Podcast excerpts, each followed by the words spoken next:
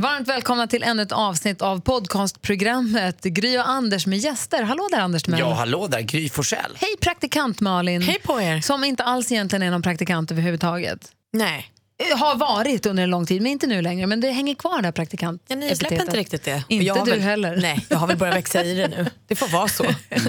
Eh, Den här podcasten är ju sponsras av Dogman som är husdjurens favorit sedan 1965. Dogman är ju både hundben och hundgodis och leksaker och koppel och halsband. Och det fiffiga är att det finns ju inte bara i hundaffären utan också i mataffären vilket en nybliven hundägare som jag uppskattar väldigt mycket. Ja, men det förstår man ju.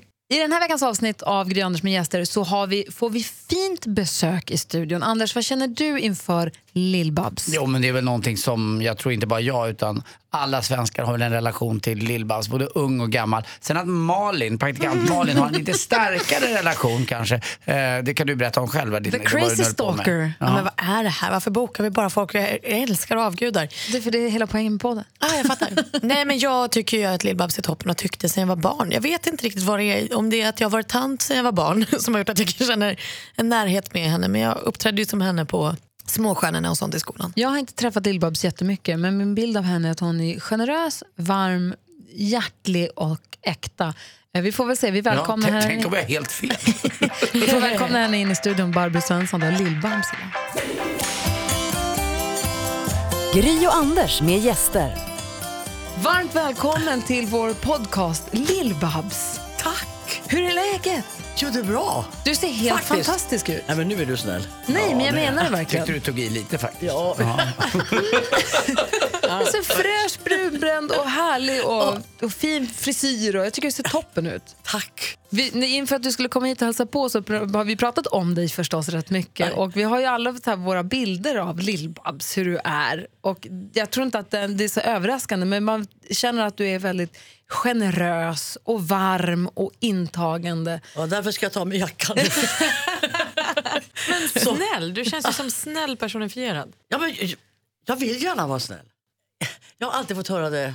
Varför är du så snäll? Jag förstår inte varför de frågar det. Va- varför är du inte snäll? Är en ja, bättre men, fråga. ja visst, om jag vore elak så skulle jag förstå varför de frågade det. Men ändå är det aldrig så att du har snackat skit om någon annan, du vet, till någon annan. För det kommer ju alltid fram att du har lite avundsjuk på någon som har lyckats i karriär när du var yngre och så. Eller har du alltid varit så här god som Gry pratade om? Det vet jag, jag har väl varit jag. jag menar, Man hör inga elaka historier om Lill-Babs. Även hon kanske har ett fint ut och en fin yta. Men du är ju faktiskt sådär. Kan du inte bli jättearg på folk? jo, jag, blir, som- alltså, jag, jag kan bli arg. Men för jag har ju också hört att du går ut i skogen och kastar krukor när du är arg. Jag gjorde det faktiskt en gång. Och det var, jag var deppad, jag var ledsen, jag var jättenere. Och då var det en, en eh, läkare som sa till mig. Kasta saker, sa han. Kasta, gå ut i skogen. Vad var det själva." dyraste du kastade? Jag, jag började att jag köpte några så här blomkrukor Ja. i lera. Och det var inte dyrt. Nej. Men de gick sönder väldigt fort. Det blir mycket, många så sen blev det splitter. stenar. Jag tog allt som fanns i närheten. Och det var så skönt. Ah. Åh, jag lovar, det, det var ett jättebra tips. Du skulle kanske börja haka på praktikant Malin går på en sån här eh, kampsportstadion och träna kampsport. Det kanske skulle vara någonting för dig. Jag kan ju bli väldigt arg ibland och då är det väldigt skönt att få sparka och slå på en säck en timme i veckan. ja, det, ja, det tror jag. Du slog ju igenom då i mitten på, fem, början mitten på 50-talet. Med, med dunder och brak ju. För att på den tiden, alltså 50, jag skulle säga mellan, från 50 till egentligen 90-talet, det är en lång period, så fanns det ju bara en och sen två tv-kanaler. Och var man på dem så var man superstjärna. Det fanns ju inte, som det är, idag så finns det ju tusen miljarder Ja. kändisar även i Sverige. Men då fanns det ju inte så himla många. Nej, och du var ju en av dem och det måste ha varit helt bisarrt på den tiden. Jag, jag tycker att vi hade det så bra som fick jobba på den tiden. Och som fick kämpa för att komma framåt. För att det gick lite långsammare. Idag går det ju så snabbt. Alltså. Och de- de är med i Idol och så får de jättebra kritik och så dagen efter så spolas de och så har de ingen, ingen grund att stå, Men, stå men på. var det inte mycket tuffare på den tiden att man var tvungen att göra massa turnéer, att man var tvungen att engagera sig mer och åka Sverige runt för att bli känd? Ja, men det var väl härligt? Jo, jag förstår det, men det tog längre tid också. Men då kanske man var kvar längre också i med- folks medvetande. Det fanns ju inga Instagram, inga Twitter, ingenting och sånt. Nej, men eh, det fanns eh, folkparkerna. Ja. Och jag menar att vi gjorde ju två, tre, jag gjorde till och med fem platser en dag. och vet du, de säger, det, det går väl inte? Men det går väl jättebra. För vi hade ju inga långtradare med högtalare och musikanläggning utan vi hade två lådor, två mikrofoner och så e- eventuellt ett piano. Men alltid så sa man mig att det ska finnas ett välstämt piano på plats. Och sen så åkte man med en trio. Då åkte man med Tallberg och med Gunnar Svensson och fantastiska musikanter. Det, det var inga problem. Vi packade själv. Vi packade upp och lindade sladdar och så iväg till nästa plats. Mm. Kan man säga, om man ska generalisera, det är klart att det finns olika typer av artister också såklart, men att då, så kanske driv, eller för dig och för många andra kanske drivkraften är att få spela Ja. och att få turnera. Ja. Medan idag kanske drivkraften för många är bara att bli känd. Att man ser, att man ser som du säger, så här, var man inte tvungen att turnera, det kanske var det, det kanske var det du ville. Ja, Men det var ju inte, fantastiskt. Alltså. men du Och slutade... sen så hade vi ju, vi hade inte Twitter, okej, men vi hade Jyllands hörna, vi hade Frukostklubben, man hade ju radioprogram och tv-program som man fick vara med i va? och kämpa Så för. du gjorde radio med, med de frukostklubbarna redan på 50-talet då? Ja. Och du, vi trodde vi var först med Lill-Babs. Det trodde vi inte. I podcast kanske. God morgon, god morgon. Och här är vår frukostklubb. Ja, det var ju fantastiskt. Lyssnade till och med jag på när jag var liten. Du. vi tar över stafettpinnen. Ja, vi får göra det. Men du, när du då blev tillsammans med Lasse Berghagen, ni måste ju ha varit, innan det då ordet fanns, men it-parens it-par på den tiden. Ja, kanske vi var. Hur påpassade var ni? Hur var, kan du beskriva hur det var? Inte som idag. Jag tror man hade mera privatliv på den tiden. Men var det inte så att folk gick fram till er på restauranger om ni var ute och sådär och undrade, skvallerpressen var ute lite efter er redan då? Fanns det inte skvallerpress då redan? Jo, då, visst fanns det det. Ja.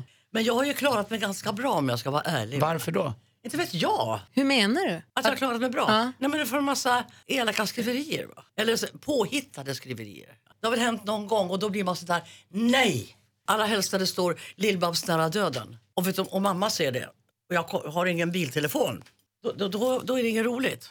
Men då, eh, tänk, då är det snarare för andra människor som du tänker, och inte för din egen skull, utan då är det för någon annans skull. Nej, men för de som läser, mina barn och mamma och pappa, vad sjutton ska de tro innan jag får kontakt med alla dem? Idag så trycker du på telefonen bara och så ringer du och säger det är ingen fara. Jag var inte nära döden fast jag stod på scenen på kvällen. Men släppte du och eh, Lasse Berghagen in folk till er i ert privata hem med bilder och så? Jag vet inte hur det såg ut då. Eh, var ni snälla mot pressen? Ja, men jag, jag, jag vill alltid göra ett bra jobb. Pressen som kommer, de vill ju också göra ett bra jobb. Jag är ingen glad om de, någon motarbetar mig, men varför ska jag motarbeta pressen för?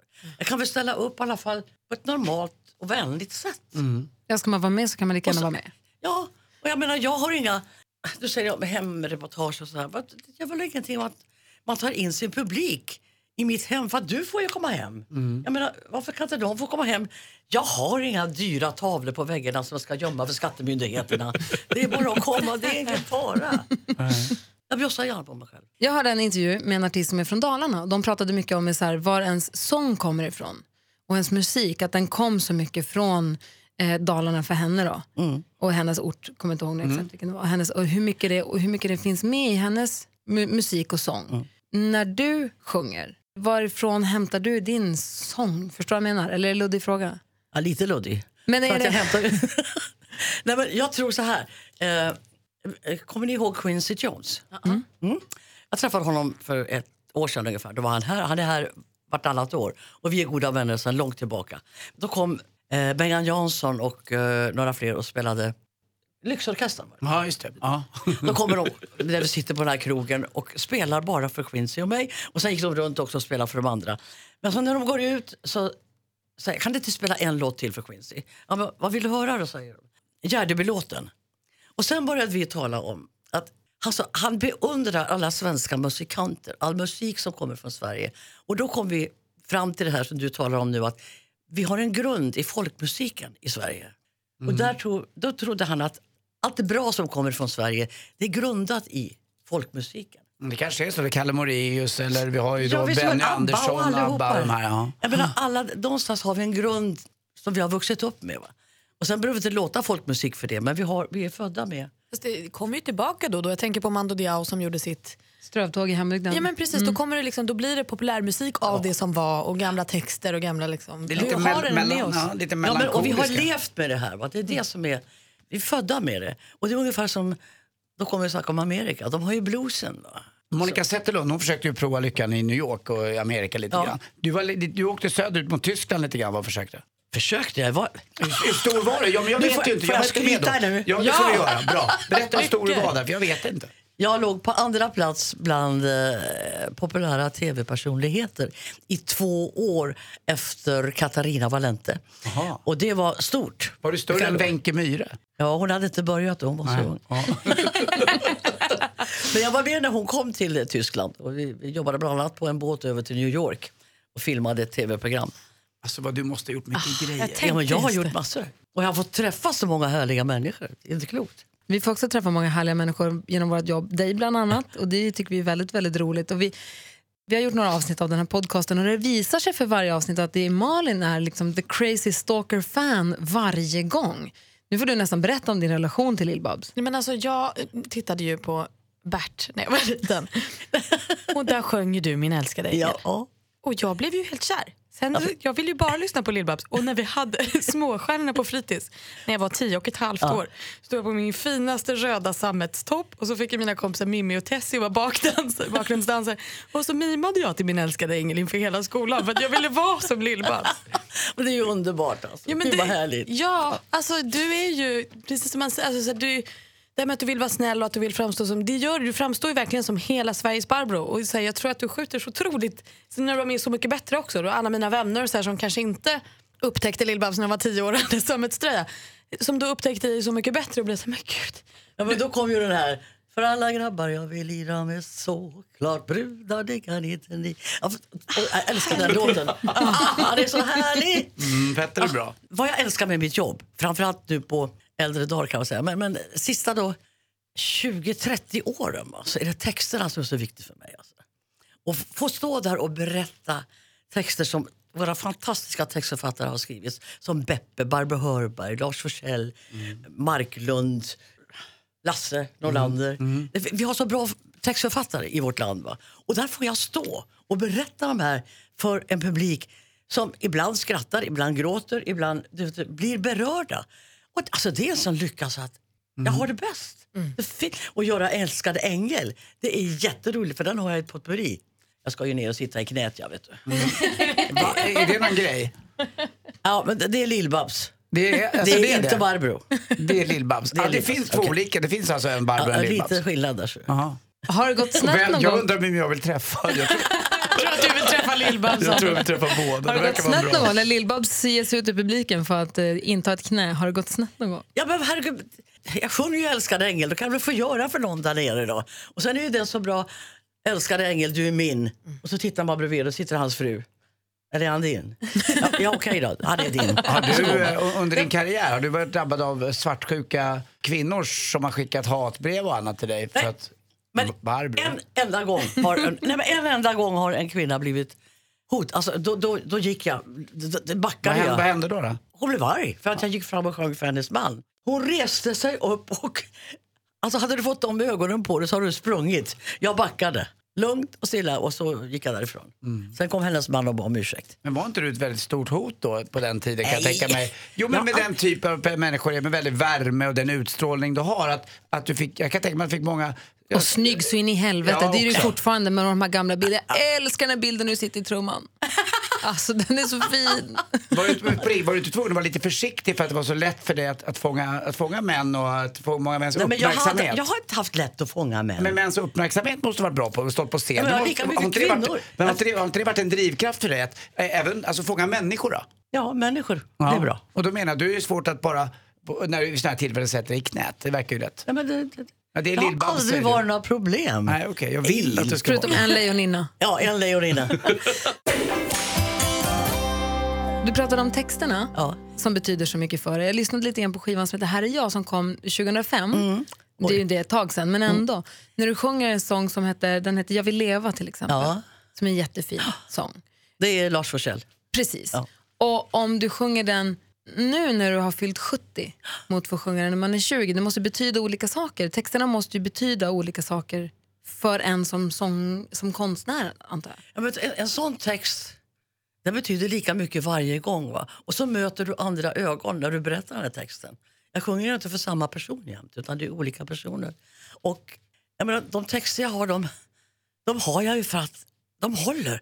Och jag tycker fortfarande att de är så starka att jag älskar att berätta dem. Kom de till dig eller kom du till dem, de här kända textförfattarna? Det var både och. både och. Men vad det gäller Lars Forssell så vet jag att det var Karin Falk och Hasse Wallman på Wallmans salonger som kom med idén att Lars skulle skriva till mig. Och alla säger, vad tror du? Liksom. Och så ringer de till Lars och säger, ja, gärna! på en gång liksom. Och det, var, och det var så fantastiskt att få jobba med Lars för han var så jordnära, härlig. Han hatade den här snobbismen inom viss kultur som fanns. Och, han, och vilket, vilket skratt han hade. Det finns väl alltid en motpol till sånt här också, eller hur? Att man alltid, det finns en, alltså att vissa snobbar inom kulturen. Har, har du känt att du har fått jobba mot dem mycket? Inte nu, Nej, men, men i början så var ju Lill-Babs... Ja, det är Lill-Babs. Ja, det kan man inte ta på allvar. Nej. Ja. Har du blivit Nej. ledsen då? Ja, för att jag kände liksom att... Vadå då? Vad spelar det för roll? Ja. Man blir inte tagen på allvar? Nej, jag blev inte det i början. Men jag tror att det, det vände lite grann med eh, Annie i Annie Get Your Gun som jag gjorde på Skandinavien i Göteborg. När man fick ha hela den här arenan och så full av sand och så Åke Falk och Karin Falk som regisserade och höll i en. Alltså så starka personligheter va? och så mjuka, varma, omtänksamma. Och jag sa till, till Åke, kommer jag ihåg en gång, att jag, Va, va, va, varför tar du mig för? Jag är ingen skådespelare. Kan du inte klokt ta någon som, som är skådespelerska? Barbro, jag har valt dig för att jag vill ha dig. Och nu är det så här förstår du att jag släpper inte dig förrän du har välsignat mig. Och jag tänkte, vad fan menar han med det? Men sen så plötsligt gick det upp att är inte jag klar till premiären, då sparkar han av benen på mig så ligger jag på Sahlgrenska istället. För då, då blev jag så lugn. Va? Då var jag så... Då var det liksom, visst, Då bara ge järnet. Karin, Karin Falk var otroligt känd som programledare med eh, Lennart Swahn, ett program som hette Halv sju och det var John Blund och Åke Falk var väl en känd tv-producent också. Ja. Oj, oj, oj. Vilka program han gjorde. Jag läste någonstans att du bestämde dig vid ett tillfälle att säga, nej, nu, folk får inte trampa på mig. Nu räcker det. Vad var skillnaden för och efter att du kom till att säga sluta? Nej, men jag, jag tror att de flesta människor har väl blivit trampad på. Va? Och när man äntligen kommer på det att men vad fasen, det finns inte någon som får trampa på mig. Och då har Lars Norlander skrivit en fantastisk text som heter Mitt liv. Det är mitt liv, det enda jag har fått. Så trampa inte ner den ömhet jag har sått. För det är mitt liv, det enda som jag vet. Så ge mig inte mer av all förgänglighet.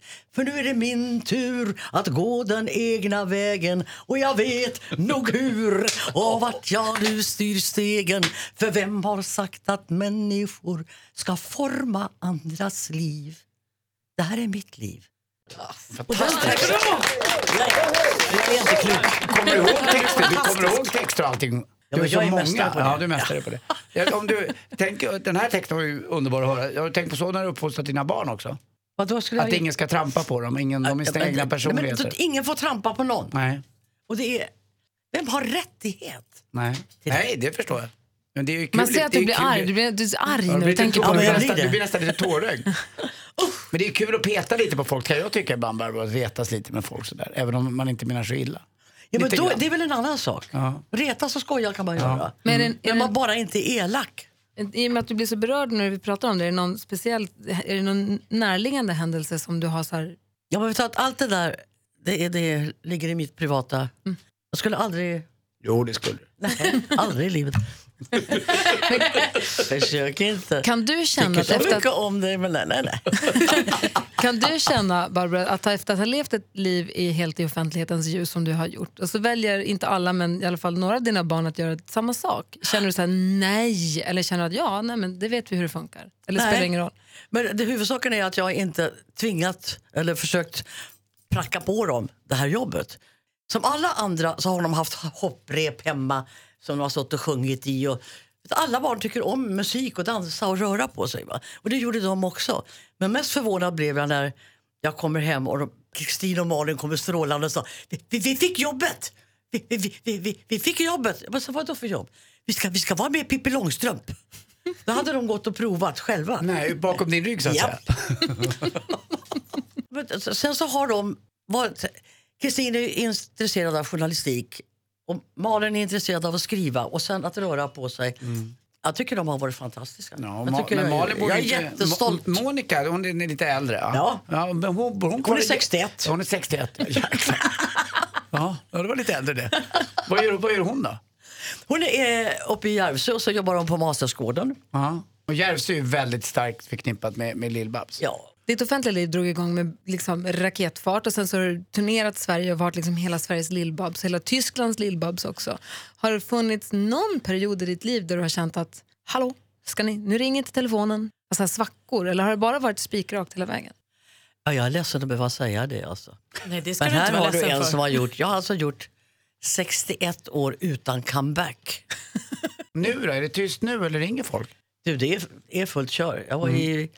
I Grythyttan igår och så var jag i Karlstad i förrgår. Och så, nu ska jag upp till Järvsö över påsk och vara ledig. Ska göra en föreställning. Jag ska vara med och eh, göra en minnesföreställning för uh, Bror Erik i Bjuråker, Mm. kyrkan. Just det, lite beroende på när man lyssnar på den här podcasten, du ska också vara med i en, eh, i en barngala 11 april Ja. och samla in pengar till barnbyar då förstås. Eh, men du har också din egna fond som du Ja. samlar in Har jag. pengar Och, det- ja. och kläder framförallt kanske. Ja, och det har jag gjort sedan jag fyllde 50 för då bildades den här fonden. va. Så varje år så delar jag ut mellan 10 och 20 000. Det beror på hur mycket jag har i, i kassan. Liksom. Gudskelov så gör vi i Sverige så mycket för världens barn. Va? Men våra egna ungar då?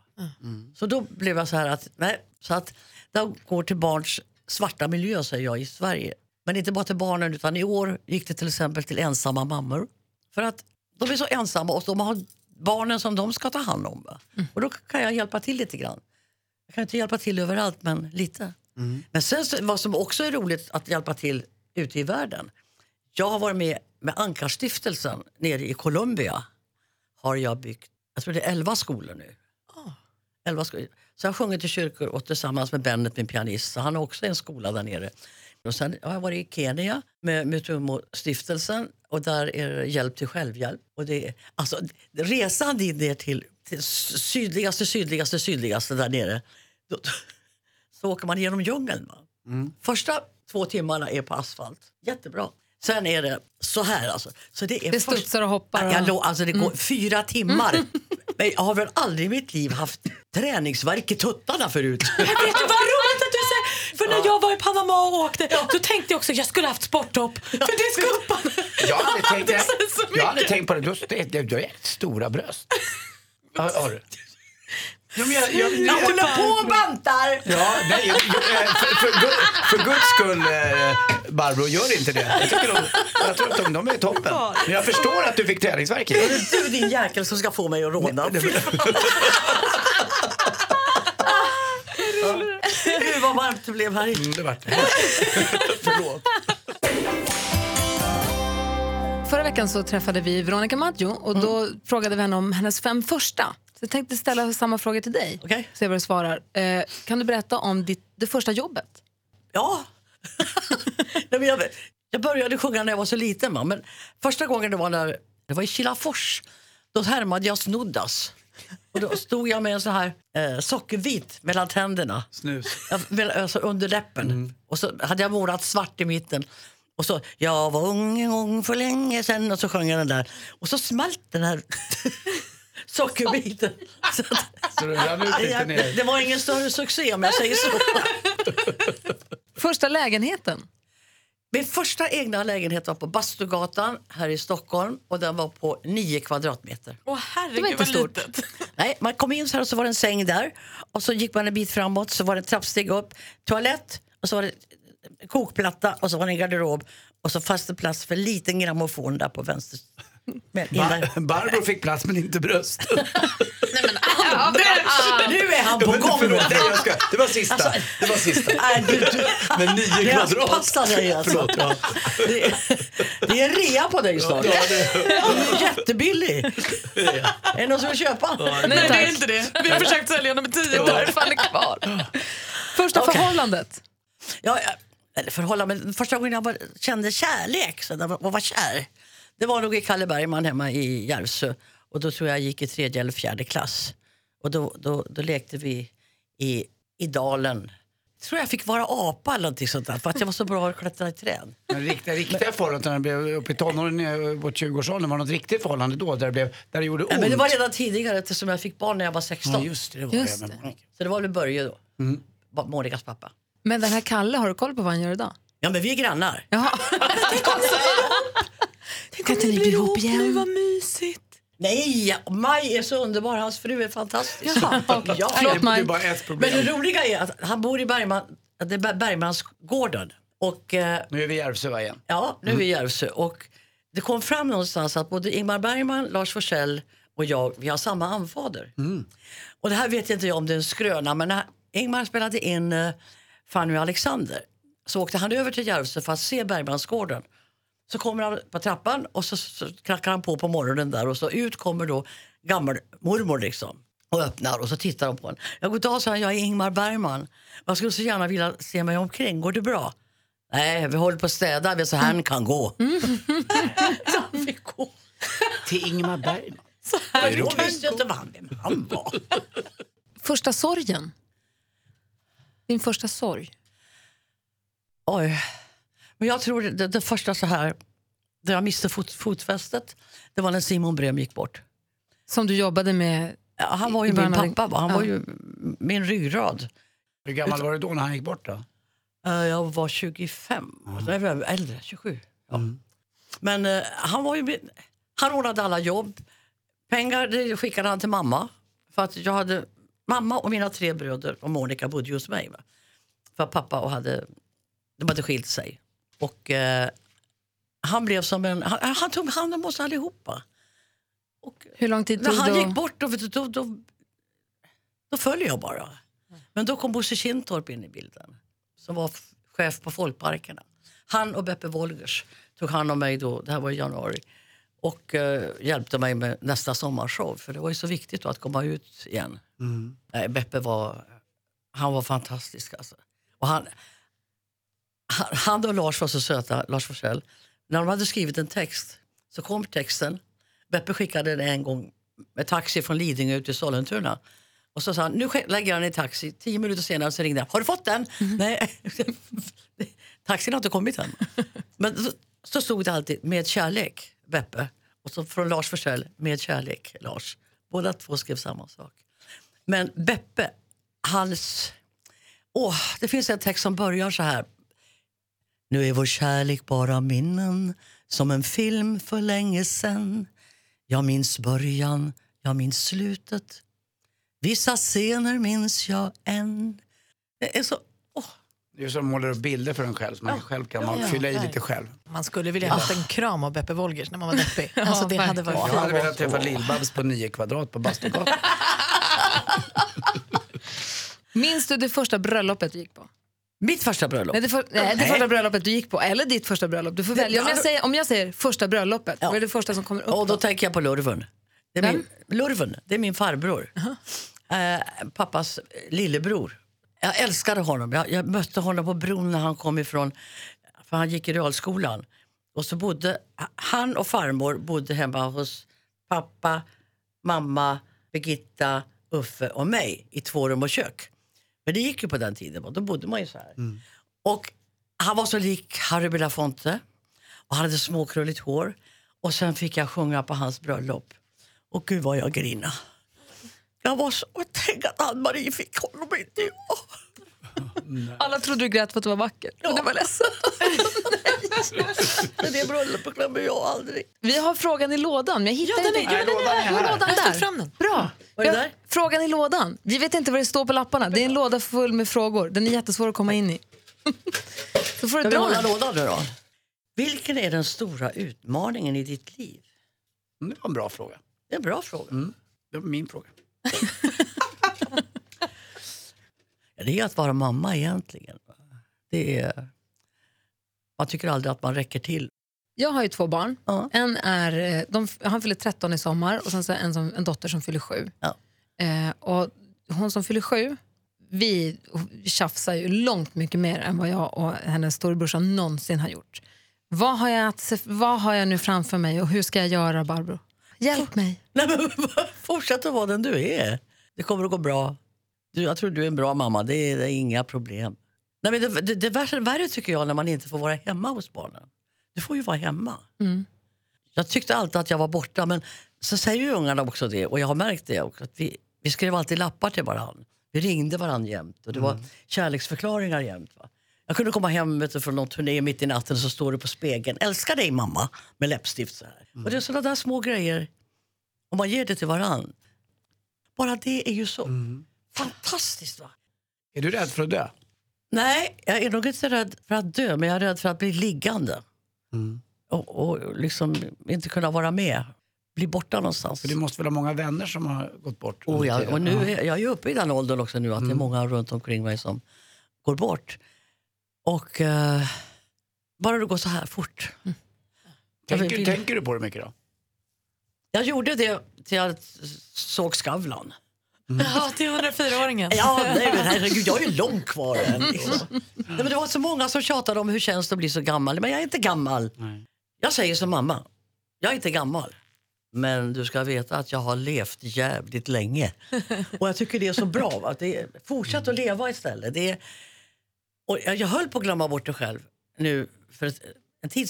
Därför att jag, jag blev lite dålig och fick ont här och fick ont där och sådär. Men herregud, kroppen har ju fått vara med av lite av varje. Men så finns reservdelar när man kommer upp i min ålder. Jag har nytt knä, jag har hörapparater som ligger där och jag har linser. Förstår du? Det fixar sig. Gud vad härligt att höra och jag vet att det kommer gå bra. Ja, det kommer att gå Du är, jättebra. för, du är, och du är för evigt Lill-Babs. Ja. Och du har nagel, du har en tid för manikyr att passa. Ja. Det älskar jag också att du har. Och en annan, vi inledde den här, det här samtalet med att prata om förutfattade meningar eller bilden av Lill-Babs. Och det som alla återkommer till och som alla säger att du är så omtänksam, att du är den som kommer ihåg när man fyller år eller har namnsdag eller tackar, att du är en jäkel på att skicka blombuketter till folk. Så därför har vi såklart en blombukett till dig som du ska få med dig härifrån. titta! Och tulpaner. Åh, älskar tulpaner. Stort tack för att du ville komma hit och prata med oss. Tack älsklingar och lycka till. Och det är ingen fara. Eh, Tack. Jag lovar dig. Och älskade vad, vad tror du ängel. om eh, praktikant Malin och killarna då? Kommer det funka? Kommer de få till det med någon? Och du får ta med dig Anders härifrån. Jag tror det. Precis, du får honom nu Lill-Babs. Det är din Gud, vad du har fått mig att rodna. Det ska jag aldrig glömma. Alltså. Du får en, en tulpanbukett och du får också ta med dig Anders. Ja. To go kallas jag nu. Aj, aj, aj. Lycka till där hemma. Du är sann, älskade ängel Du är en man Du är stor och stark och snygg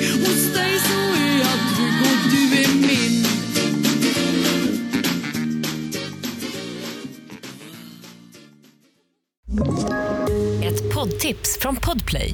I fallen jag aldrig glömmer djupdyker Hasse Aro i arbetet bakom några av Sveriges mest uppseendeväckande brottsutredningar.